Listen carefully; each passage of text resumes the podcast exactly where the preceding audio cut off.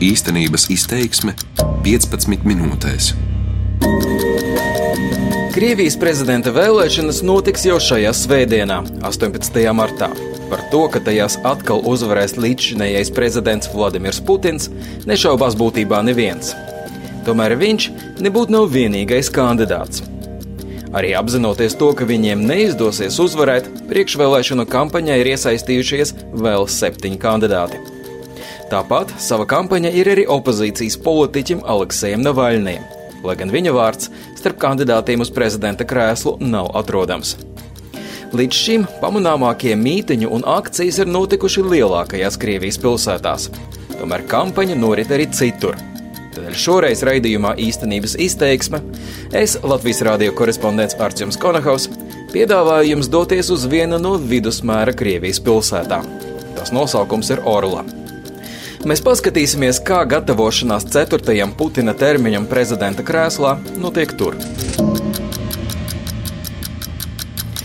Tagad es atrodos Orlas centrālajā laukumā. Man priekšā ir apgabala domas sēka, kurā ir izvietots arī gubernatora birojs. Tai pretī stāv Ļeņina piemineklis. Tepat blakus ir viesnīcas ēka, kurā ir izvietots Krievijas prezidenta Vladimira Putina priekšvēlēšanu birojas. Uz ēkas ir arī milzīgs plakāts, kas mudina piedalīties vēlēšanās. Uz tā ir rakstīts: Izvēlamies prezidentu, izvēlamies nākotni.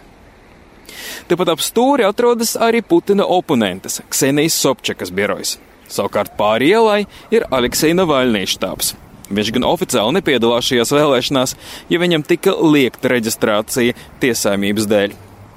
Šķiet, ka visi trīs biroji Orlā sadzīvo pietiekami draudzīgi Lai gan kopumā opozīcijas kandidātiem un viņu pārstāvjiem ir jāsastopās ar krietnu kritikas devu. Мы ожидали такой негативный старт. Mēs gaidījām diezgan negatīvu startu un visus tos krievu valodas vārdus, ar kuriem bija iespējams izteikt nepatiku pret mūsu kandidātu, mēs pilnībā esam uzklausījuši. Весь спектр выслушали так скажем. Tas ir Sergejs Nosovs. Viņš vada Ksenijas Sobčakas priekšvēlēšanu biroju Orlā. Но а, также мы понимали, что с ходом кампании... Bet mēs arī apzinājāmies, ka ar laiku šis negatīvais reitings mazināsies un pārtaps lielākā atbalstītāju skaitā. Protams, nevar garantēt, ka oficiālie vēlēšana rezultāti atspoguļos to, cik cilvēki patiešām par viņu ir nobalsojuši. Bet mēs ceram, ka novērotāji to starp ārzemju palīdzēs to kontrolēt, lai mēs varētu saprast, cik pareizi ir bijusi mūsu pieeja šī kandidāta virzīšanā. Sobčakas birojas Orlā ir izvietots bijušā veikala telpās, kādas daudz dzīvokļu mājas pirmajā stāvā. Tajā ir pāris galdi un krēsla, kā arī plaukti ar Sobčakas aģitācijas materiāliem. Viens no saukļiem ir Sobčaka kandidāti pret visiem. Proti par viņu var balsot, pat ja nepatīk neviens no kandidātiem. Lai gan Sobčakas kampaņa galvenokārt ir orientēta uz jauniešiem, Nosovs saka, ka viņu atbalsta arī vecāki cilvēki. To spilgti apliecina kāds stāsts no parakstu vākšanas kampaņas, lai pierģistrētu Sobčakas kandidatūru. Kad mums izdevās saskaņot un uzlikt nelielu aģitācijas teltu pilsētas nomalē, par to vietējos mēdījos parādījās neliels stāsts. Un viena veca kundzīte to ieraudzīja un nākamajā dienā tur devās, lai parakstītos par Sobčaku. Bet braucot trolejbusā garām tai vietai, kur bija jābūt teltī, viņi ieraudzīja, ka tās tur vairs nav, jo akcija bija saskaņot tikai vienu dienu. всего на один день, Она начала возмущаться прямо Viņi sāka par to sūdzēties turpat trolejbusā, līdz ar ko piesaistīja sev apkārtējo pasažieru un konduktoru uzmanību. Un konduktors viņai teica: Tu ko vecā, tevi taču par to ietupinās. Bet sadzirdot šīs muļķības, tā vecā kundzīte neapjuka un atbildēja, ka cietums viņu nebiedē. Tur vismaz trīs reizes dienā baro, bet tagad viņa no savas pensijas var atļauties tikai divas. Nav jādomā par komunālajiem maksājumiem, un vēl viņa varēs pavasarī puķes stādīt, lai būtu smuki. Ar to arī viss ir pateikts. Все, вот, вот после этого можно заканчивать. Vaicāja Sobčakas priekšvēlēšanu biroja vadītājiem arī par viņu personisko motivāciju iesaistīties šajā kampaņā. Nosovs saka, ka viņš ir uzņēmējs. Viņam pieder neliels birojs, kas veido arhitektūras maketus. Tomēr pie esošās varas ekonomika un līdz ar to arī uzņēmēja darbība stagnē. Ja ekonomika stāv uz vietas un neattīstās, tad arī mans uzņēmums nespēs attīstīties. Tādēļ mans ieguldījums Krievijas politikā ir tieši saistīts arī ar manu interesi par savu uzņēmumu nākotni. Tālāk dodamies uz pašreizējā Krievijas prezidenta Vladimira Putina priekšvēlēšanu biroju. Tas atrodas tikai pāris minūšu gājienā blakus Orlas apgabala administrācijas ēkai. Прокохина Маргарита, руководитель группы волонтеров штаба, регионального штаба, кандидат в президенты Владимир Владимирович Путин. Margarita Prokohina ir Orlas valsts universitātes pasniedzēja. Šī enerģiskā sieviete ir ģērbta džinsos un baltā džemperī ar kapuci, uz kura sarkaniem burtiem uzrakstīts Putins. Šajā štābā viņa atbild par darbu ar brīvprātīgajiem. Потому что я хочу, чтобы мой ребенок жил в сильной стране. Я хочу гордиться своей страной. Es gribu, lai mans bērns dzīvotu spēcīgā valstī. Es gribu būt lepna par savu valsti, un es gribu, lai ne tikai man, bet arī manam bērnam būtu normāla nākotne. Jo es zinu, kāda bija Krievija 90. gados. Es to pati esmu piedzīvojis, un es negribu, lai tas atkārtotos. Я не хочу повторения. Putina priekšvēlēšanu birojas ir izvietots bijušās kafejnīcas telpās. Tur ir gaišs un silts, un uz sienām ir dažādi Putina aģitācijas plakāti. Brīdī, kad es tur viesojos, līdz ar Prokohinu štābā ir vēl kādi pieci jaunieši. Bet viņa saka, ka kopā Orlā to ir gandrīz 80. Viena no tām ir 18 gadus vecā studente Angelīna Strojā. Нужно выбрать именно правильный путь. Ir jāizvēlas pareizais ceļš, pareizo prezidentu, pareizo virzienu. Man kā cilvēkam, kurš pirmo reizi balsos un izdarīs tik nopietnu izvēli, ir ļoti svarīgi, kurš turpmāk būs mūsu prezidents, mūsu vadītājs. Tādēļ esmu štābā, un man te ļoti patīk. Vaicāju jaunietei, kādēļ viņi uzskata, ka Putins būtu labākais prezidents. Atbildot arī Strojeva piesauc 90. par kuriem gan viņa zina tikai no nostāstiem. Kopš 90. gadiem ir notikušas lielas pārmaiņas, un tas viss ir bijis viņa valdīšanas laikā. Gan dzimstība ir paaugstinājusies, gan mirstība pazeminājusies. Tie ir būtiski sasniegumi, un es domāju, ka tas viss ir pareizi. Pie mums viss mainās uz labu. Par pagājušā gadsimta 90 gadiem Krievijā runā itin bieži. Šīs trauksmainais laiks daudziem ir saistīts nevis ar demokrātiju un padomju savienības sabrukumu, bet gan ar nestabilitāti, nabadzību, mēnešiem un gadiem aizkavētām algām un pensijām.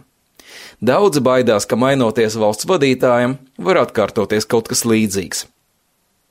Kamēr runāja ar aktīvistiem, Putina štābā ienāk arī vairākas vecākā gadagājuma sievietes. Kāda no viņām vēlas pasūdzēties, ka apgabala prokurors nav viņu uzklausījis, lai gan bija sarunāta tikšanās. Sievietes tiek nosūtītas pie juristes, kuras galds ir turpat stūrī. Štāba brīvprātīgo vadītāja Prakohina saka, ka cilvēki ar dažādām problēmām nāk itin bieži. Jautājumi ir ļoti dažādi. Pārsvarā, kā jūs jau lieliski saprotat, mēs, kā štāba pārstāvji, esam gatavi uzklausīt novēlējumus un pamudinājumus prezidenta kandidātam. Bet lielākoties cilvēki nāk ar dažādām problēmām. Tās ir saistītas gan ar veselības aprūpi, gan ar zālēm, gan ar dzīvokļu jautājumiem. Bieži vien Mēs vienkārši palīdzam cilvēkiem saprast, kur viņi var vērsties. Jo nereti ir tā, ka cilvēki atnāk un visai garas sarunas laikā izrādās, ka viņi pat vēl nav vērsušies iestādēs. Dažreiz ir nepieciešams sastādīt juridiski korektu dokumentu. Arī ar to mēs palīdzam.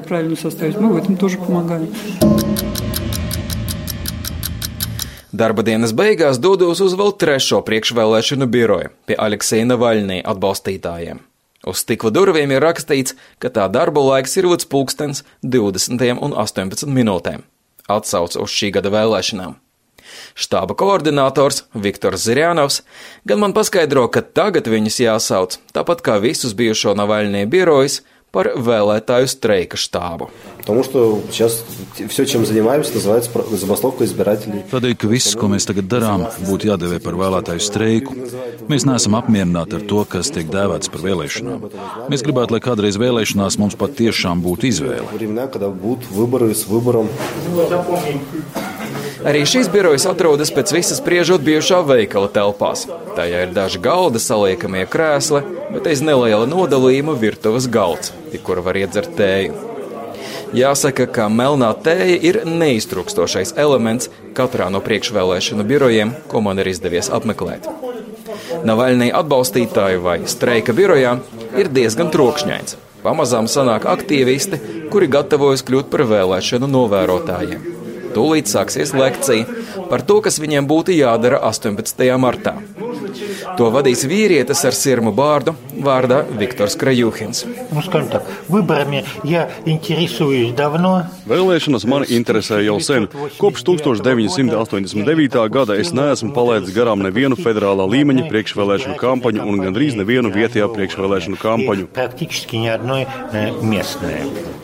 Krajuhins saka, ka viņš jau gadiem darbojas nevalstiskās organizācijās un palīdz cilvēkiem aizstāvēt viņu tiesības esot uzvarējis divas lietas Eiropas cilvēktiesība tiesā un dažas arī Krievijas konstitucionālajā tiesā. Чем мне это все безумно нравится? Во-первых, тут э, много молодежи. Man te ārkārtīgi patīk, jo šeit ir daudz jauniešu. Un interesantākais ir, ka viņi grib mācīties. Es jau otro mēnesi divas reizes nedēļā te lasu viņiem lekcijas. Es stāstu par visu, sākot no teorijas par to, kādas mēdz būt vēlēšanu sistēmas pasaulē, līdz praktiskai darbībai. Šodien vairāk būs par praktiskiem padomiem, kā jārīkojas vēlēšanu novērotājiem. Arī štāba vadītājiem Zirjanovam Krajuhins ir palīdzējis aizstāvēties tiesā. Prokuratūra viņu apsūdzēja ekstrēmismā. Par publikācijām Zirjanova vadītajā Orlas reģionālajā interneta portālā ar lietas. Visas lietas ir izdevies uzvarēt. Arī Navaļnija birojā ir bijušas dažas kratīšanas. Tomēr varas iestāžu pretestība Zirjānevu nebiedē.